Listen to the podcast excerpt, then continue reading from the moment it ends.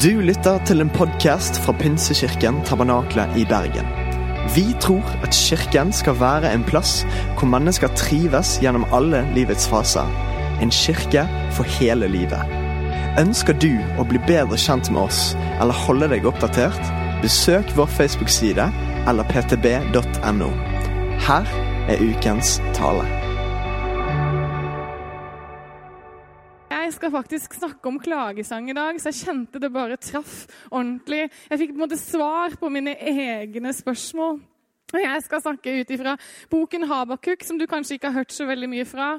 Men den klarte på en måte å få roa i hjertet mitt etter dette spygreiene. Hva, hva er greia med å spy? Sånn Unnskyld. OK, vi kan ta det en annen gang.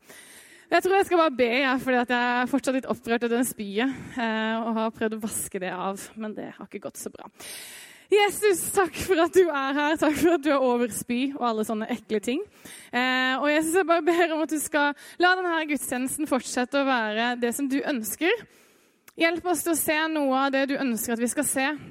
Hjelp oss til å koble ut alle distraksjoner, alle ting som vi ikke klarer å styre noe og gjøre noe med nå uansett. Den eksamen eller prøven skulle lese, vi skulle lest på, eller de tingene vi skulle ha gjort. Eh, hjelp oss til å bare legge det til sides og sette fokus på deg. Hjelp oss til å se hva du sier gjennom de ordene jeg skal si. Hjelp meg til å bruke ordene mine godt. Og Jesus, jeg bare ber om at du skal svare på noen av disse spørsmålene som vi trenger svar på i denne gudstjenesten, Jesus. Takk for at du er her.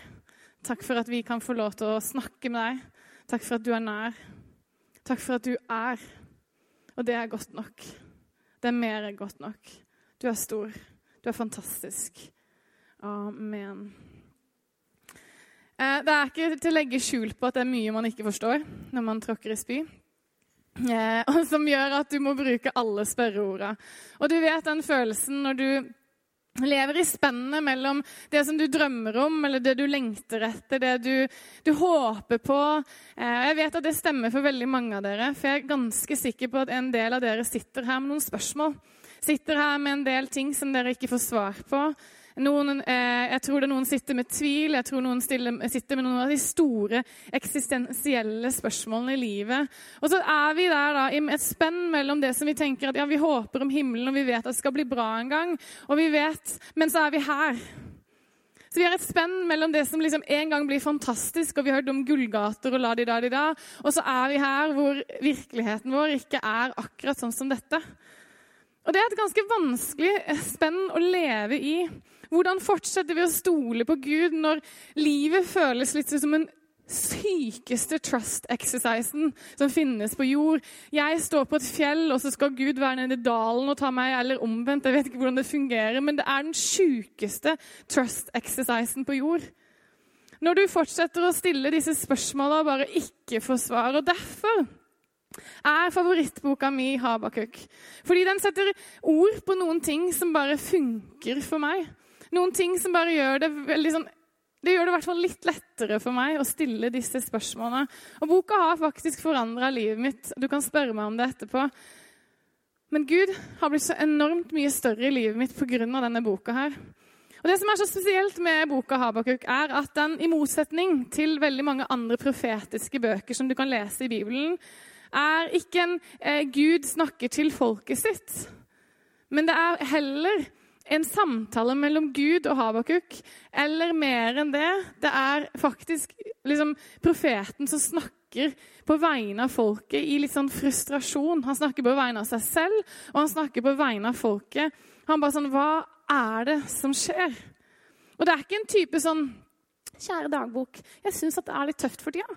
Det er en sånn Hva er det som skjer? Sånn er denne boka. Det er en klagesang som roper ut til Gud, som sier, 'Hva er det du driver med? Hvorfor er du stille? Hva er det som egentlig skjer akkurat nå?' Og Vi er ikke så vant med klagesang i vårt liksom, miljø. Vi har snakka litt om tvil i det siste.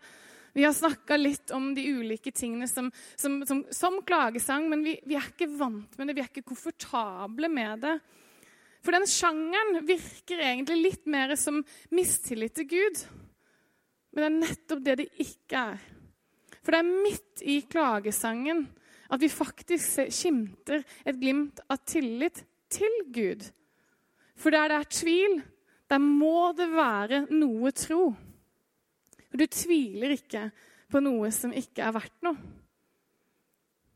Og til og med når Gud ser veldig stille ut, når ikke, du ikke hører et kvekk fra han, eller han bare virker som han ikke gjør noe, bare står helt passiv, så er det noe med klagesang som hjelper oss å sette ord på noen ting i livet vårt. Og så kan det hende vi kan få se noe større gjennom klagesang. og jeg skal komme tilbake til det. Men Habakuk er en sånn bok. Den, den, gir oss rom til å stille de store spørsmålene. Til å tørre å stille alle spørsmålene som vi har. Den gir oss rom til å rope. Den gir oss rom til å kjefte. Den gir oss rom til å klage. Den gir oss rom til å være akkurat den vi er. Og Jeg er klar over at jeg åpner på en måte Pandoras eske her. Og jeg burde egentlig ha svar på det ondes problem og alle de eksistensielle problemene. Eh, og jeg, jeg skjønner at det er det du egentlig var svar på, og dessverre så kan jeg ikke gi svar på det. Men jeg kan kanskje ved hjelp av Habakuk gi deg noen, noen, ting som du kan holde fast på. Noen ting som kan hjelpe deg i denne, disse spørsmålene. Og har du ikke disse spørsmålene akkurat nå, flott. Men jeg er ganske sikker på at gjennom livet ditt så kommer du til å ha noen sånne spørsmål. Så hvis du er her og tenker jeg har det egentlig sykt bra, hvorfor skal du komme og være så sånn klagete? Eh, kan skrive ned noen punkter. Det kan hende det er noen andre som har det kjipt. Eh, kanskje får du det litt kjipt en gang, du også. Eh, jeg håper du får lite av det. Men jeg tror livet er sånn opp og ned. Og da er det godt å vite at Bibelen rommer det som vi har på innsida. Gud rommer det som er på innsida, og Gud tåler det som er på innsida av oss. Habakuk har på en måte, har ikke på en måte Habakuk har tre kapitler. Det tar ikke veldig lang tid å lese. Det er det som er så deilig med den boka. Jeg må bare si at jeg liker korte bøker. Jeg er ikke en sånn leseperson. Tro det eller ei. Jeg liker lydbøker, og jeg liker å lære. Ikke god til å lese. Miste fokus med en gang. Tre eh, kapitler, det klarer jeg. Så det har jeg lest i dag, faktisk. Jeg klarte det. Check. Eh, og det klarer du også. Det er det som er så deilig med den boka. Så her er liksom håpet da, at hvis du er en av de som ikke klarer å lese så mye, så skal du klare dette. Jeg har tro på det. Ok, Mitt første punkt er ikke baksnakk. Jeg har tre punkter. og Jeg har lyst til å ta deg gjennom de tre kapitlene. hvis du ikke skjønte det.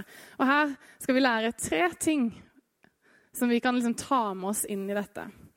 Habakuk adresserer Gud i kapittel 1, eh, vers 2. Og Han går rett og slett rett på sak. Og han spør. Han spør ikke pent, han roper. Da roper han dette her. Se for deg Habakuk er frustrert. Hvor lenge, Herre, skal jeg rope uten at du hører? Skrike til deg om vold uten at du frelser? Hvorfor lar du meg se urett? Hvordan kan du se på ulykke? Derfor er loven kraftløs, og retten når aldri ut, for den urettferdige omringer den rettferdige. Derfor blir retten fordreid. Det er egentlig Habakuk sier her. Gud, kan du gjøre noe? Folket ditt følger ikke deg. Hvor er din rettferdighet henne? Hvor er, hvor er du? Skal, skal, ikke du fikse dette her? Habakuk kan bare se seg rundt, og så ser han alt det han ikke har lyst til å se. Han ser bare urettferdighet. Og Kongen i Juda var barnebarnet til Joshia. Og Joshia han fikk hele folket til å snu seg til Gud. Alt ble bra. Og så kommer da kongen nå, Joakim, og han bare liksom trasher alt. Han ødelegger alt. Og plutselig så er det sånn at de gjør alt feil. De har snudd seg vekk fra Gud, og de har snudd seg vekk fra det som de var ment å gjøre. Og her står Habakuk og prøver å leve et godt liv, følge Gud. Og så ser han bare korrupsjon. Han ser at folk bruker Gud til å få, de, få det som de vil. Og han ser på at disse såkalte rettferdige folka, som var såkalt jøder eller kristne, eh, som det vi ville kalt i dag, de, de, de gjør alt feil, og så går det bra med dem. Åh, Det er så irriterende, det der. Ikke sant? Så står han der og bare Hva er det du driver med, Gud? Hvor lenge må jeg se på at ting går galt uten at du gjør noe? Hvor, skal ikke du gjøre noe aktivt? Ja, jeg vet at du hører meg, jeg vet at du er der, men skal ikke du redde meg? Skal ikke du gjøre noe? Skal ikke du fikse dette? Og Habakuk utfordrer selve naturen til Gud. Det er ikke bare sånn at han sier sånn eh, Hvis du liksom, sånn sørlending. Jeg bare lurte på om du kunne Kanskje Nei, da ikke tenk på det. Men jeg, jeg tenkte på det. Om du kunne Gjør det, gjør det. Nei! Han sier sånn Hva skjer? Hva er det du driver med? Hva er det du skal gjøre? Vi hadde en pakt. Husker du det? Husker du det, Gud? Vi hadde en pakt. Hva er det du driver med? Hvorfor skjer dette? Hvorfor er du så stille? Hvorfor sier du ikke noe? Han er så sint. Ondskapen ser ut til å gå fram. Hvis du er Gud, hvorfor Gud? Hvorfor gjør du ikke noe? Hele hans forståelse av hvem Gud er, blir testa i denne boka. Har du vært der hvor hele verden raser, og du bare tenker sånn Jeg trodde dette var fjell, og nå bare virker det som sand. Jeg trodde jeg visste hva jeg trodde på, men nå bare virker det som det er borte. Jeg trodde hvem jeg visste jeg kunne stole på, men de er ikke til å stole på. Har du vært der hvor du bare tenker Hva er det som skjer? Er egentlig Gud så rettferdig? Og du tenker flott, Habakuk, du snakker til Gud, du er ærlig, kjempefint. Men det er bare at du skjønner ikke kanskje Kan hende du skjønner det, men jeg tror ikke du forstår hvordan den tida var. For det Habakuk gjør der, det gjør du bare ikke. Han begynner samtalen. Du begynte aldri samtalen til noen som var over deg. Spesielt ikke til Gud. Gud snakker, så kan vi snakke. Men Habakuk begynner samtalen, og ikke nok med det, så går han ikke inn foran Gud og sier, 'Du kjære, fantastiske, store Gud'. Nei, han går rett på sak. Han er så frimodig, han er så tydelig. Han er så enormt alt han ikke skal være. Og det at Gud tillater denne boken og tillater Habakuk å komme med akkurat de spørsmålene anklagen, de tinga han kommer med, sier noe om en Gud som ikke er redd for sin, eh, sin status. En Gud som ikke er redd for store spørsmål, men en Gud som rommer alt. Som tåler alt og som elsker oss sånn som vi er. En raus og stor og god Gud som ikke er redd for sin posisjon.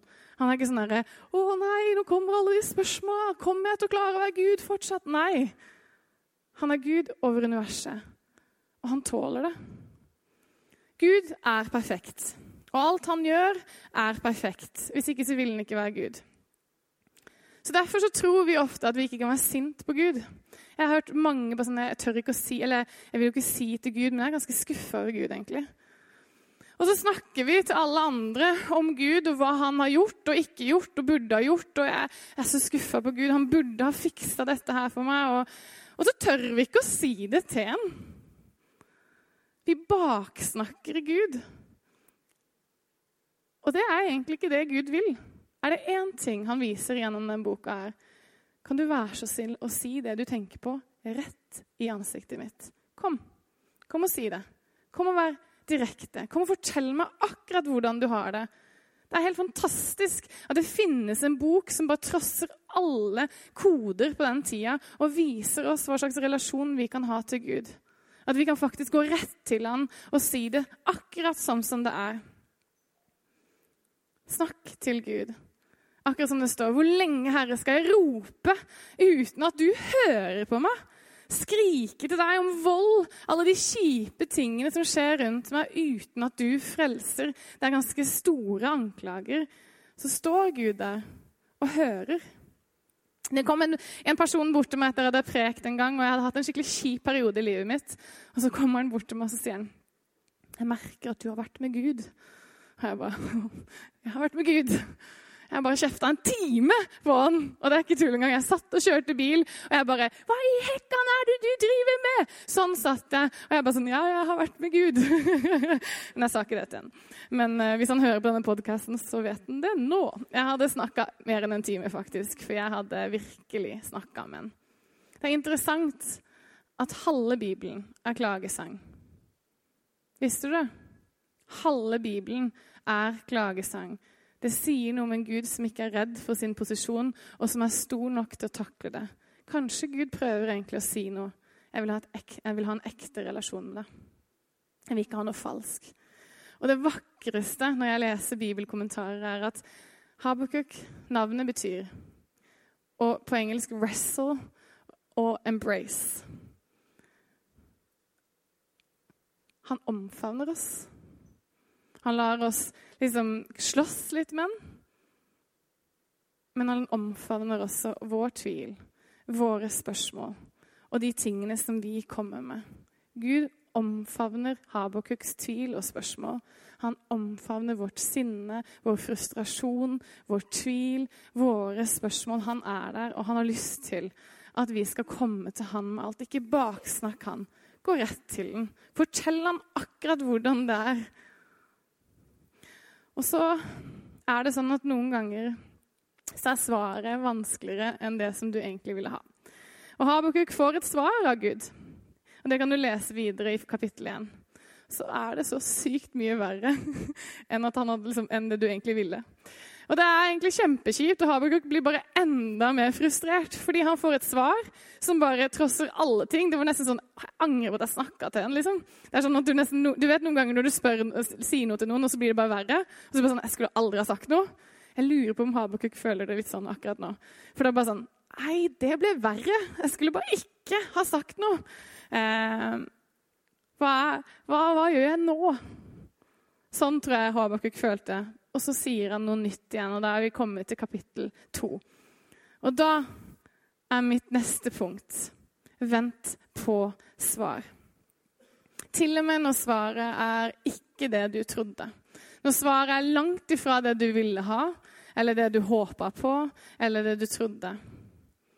Fortsett å søke Gud. I kapittel 2,1 så står det Habakuk har da fått et svar han bare ikke er fornøyd med. Men så sier han dette her. Nå vil jeg stille, stå på vakt og stille meg på muren og speide for å se hva han vil si til meg, hvilket svar jeg får på min anklage. Det bildet en får her, er faktisk en vaktmann som, som, venter på respons. Han stiller seg opp, han gjør noe aktivt. Han, han stiller seg klar til å få et svar på sin anklage. Det er forventning. For selv om Habakuk får noe kjipt, så er det en eller annen dyptliggende tillit som ligger der. Gud, du kommer til å høre min anklage, du kommer til å høre mine spørsmål, og jeg kommer til å få svar. Så han reiser seg opp, han stiller seg opp, og så venter han på svar. Hva når svaret du ber om, ikke ble sånn som du trodde? Eller enda verre, det du ikke ønska? Hva gjør du da? For det skjer noen ganger. Når du ber om et eller annet, og så får du et helt annet svar. Og så vet vi det derre Ja, Gud har jo kontroll og alt det der greiene der. Og hvis han lukker et, en dør, så åpner han et vindu og alt den der skiten der. Eh, bare, ikke bruk de tingene hvis folk går gjennom kjipe ting. Kan jeg bare gi deg liksom one-on-one conversation-tips her? Eh, for det svaret som eh, Habakuk får, er at han da, de såkalte rettferdige folka, jødene, var kjipe. Okay? Så de gjorde alt feil. Så sier han, sier han, da kan du bare fikse dette. Og så sier Gud jeg skal fikse det, jeg skal gjøre det mye større enn det du trodde, eller bedre. Og, og så får svaret er da at han skal sende babylonerne inn for å ta over Jerusalem. Det var jo ikke det jeg mente, Gud. Det var ikke det jeg ville ha. Og det bare blir så mye kjipere enn det han trodde. Og er det ikke litt sånn noen ganger at ting blir litt kjipere, og så stiller han seg opp, og så sier han til Gud, 'Jeg venter på svar'. Og så forholder han seg ikke passivt. Han, han trekker seg ikke unna. Nei, han, han, går faktisk hardere til verks. Han nekter å gi seg. Han, han, er aktiv. Og jeg tror vi kan lære noe av denne aktive holdningen. Til og med når ting ikke ser ut sånn som vi ønsker, eller vi ikke skjønner de svarene vi får, eller når vi venter. Så gjør han noe aktivt. Han stiller seg opp og venter på svar. Og jeg har lyst til å utfordre deg til noen ting. Når du venter på svar, eller svaret er annerledes, eller situasjonen ser håpløs ut, hva gjør du da? Jo, du søker Gud. Du venter på svar. Du stiller deg aktivt. Vet du hva, Gud? Jeg, jeg, venter på svar på det som jeg har stilt spørsmål til. Ja, her er min anklage. Nå venter jeg på at du skal gi meg svar på dette her. Les Bibelen. Bruk tid med Gud. Søk ham. Fortsett å søke. Det står at Abakuk sa, 'Herren svarte meg, skriv synet' Og så sier Gud, 'Skriv synet tydelig på tavler' så det blir lett å lese. Fortsett å være i fellesskapet, fortsett å være i kirka. For er det én ting vi gjør noen ganger når vi har det kjipt, så er det å trekke oss tilbake, men ikke trekk deg tilbake, ikke isolere deg. Fordi det viktigste du gjør, er å fortsette, ha en aktiv holdning i ventetida di. Vente aktivt. Så står det i Habakuk 2,3. For synet venter på sin fastsatte tid. Det vitner om enden det lyver ikke. Om det drøyer, så bare vent, for det skal komme. Det kommer ikke for sent. Det er det Habakuk får høre av Gud. Svaret kommer ikke for seint. Det er bare i mitt hode så kommer det altfor seint. Og jeg tror flere kan kjenne seg igjen i dette.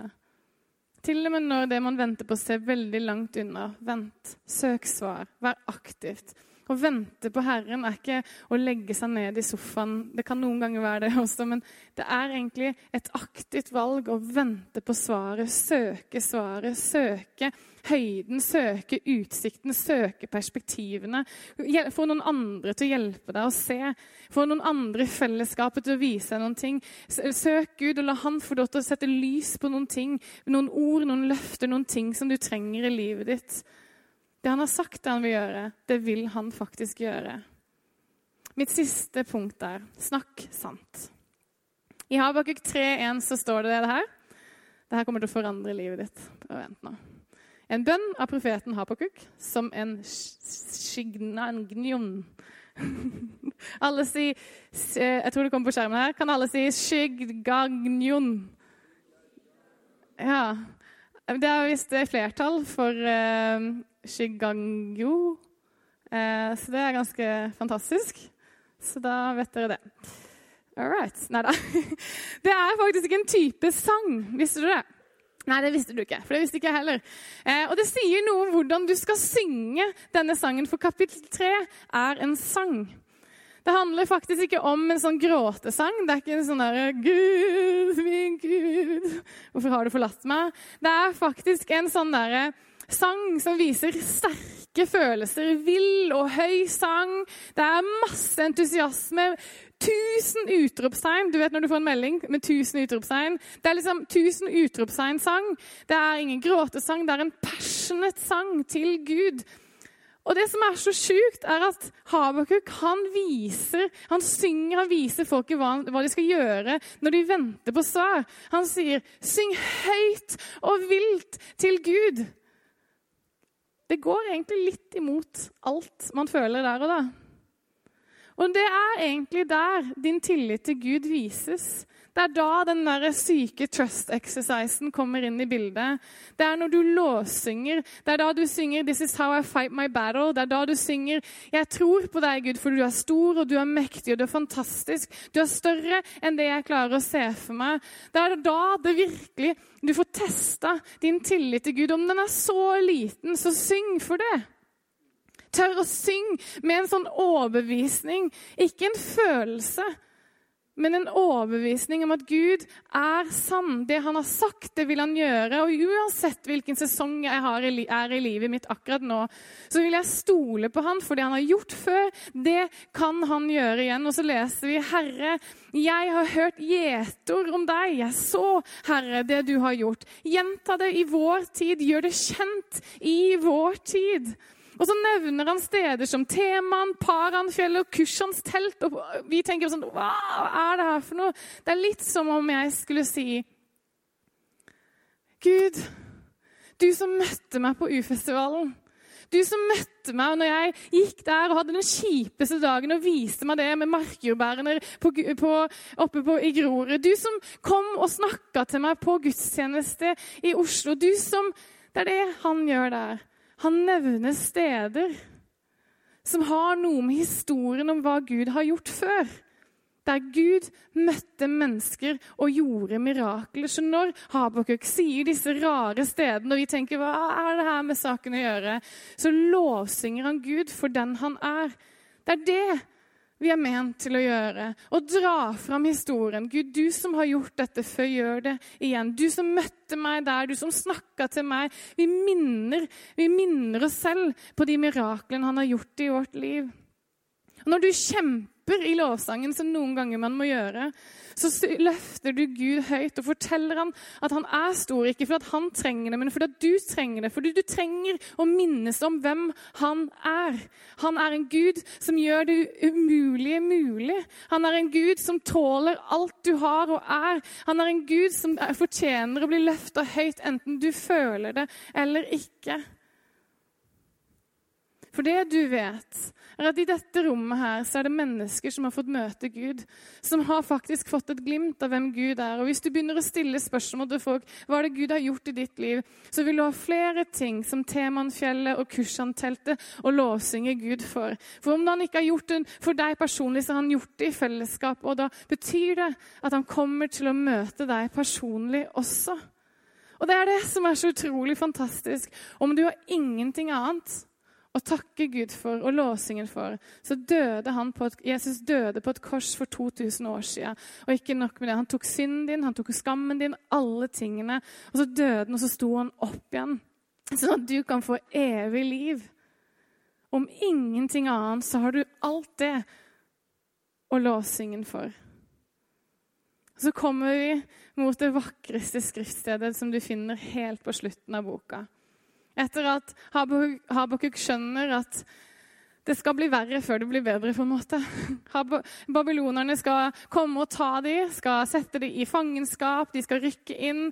Dette er ganske kjipe greier å få høre av Gud. og Han vet at han går en usikker framtid i møte med sult og mangel på det mest essensielle. Men midt oppi det her så velger Habakuk å løfte hendene og si jeg gir meg til deg helt, Gud. Fordi du vet min framtid. Du vet mine drømmer, hva jeg, du har lovet meg, og jeg velger å stole på deg fordi du er trofast. Og så leser vi i Habakuk 3, 17-19. For fikentreet blomstrer ikke, vinstokken bærer ikke frukt, olivenhøsten slår feil, åkeren gir ikke mat, sauene er borte fra kveen, fjøset er tomt for fe. Det han egentlig sier, dette er en kjip tid vi går i møte. Men jeg vil fryde meg i Herren, juble i Gud, min frelser.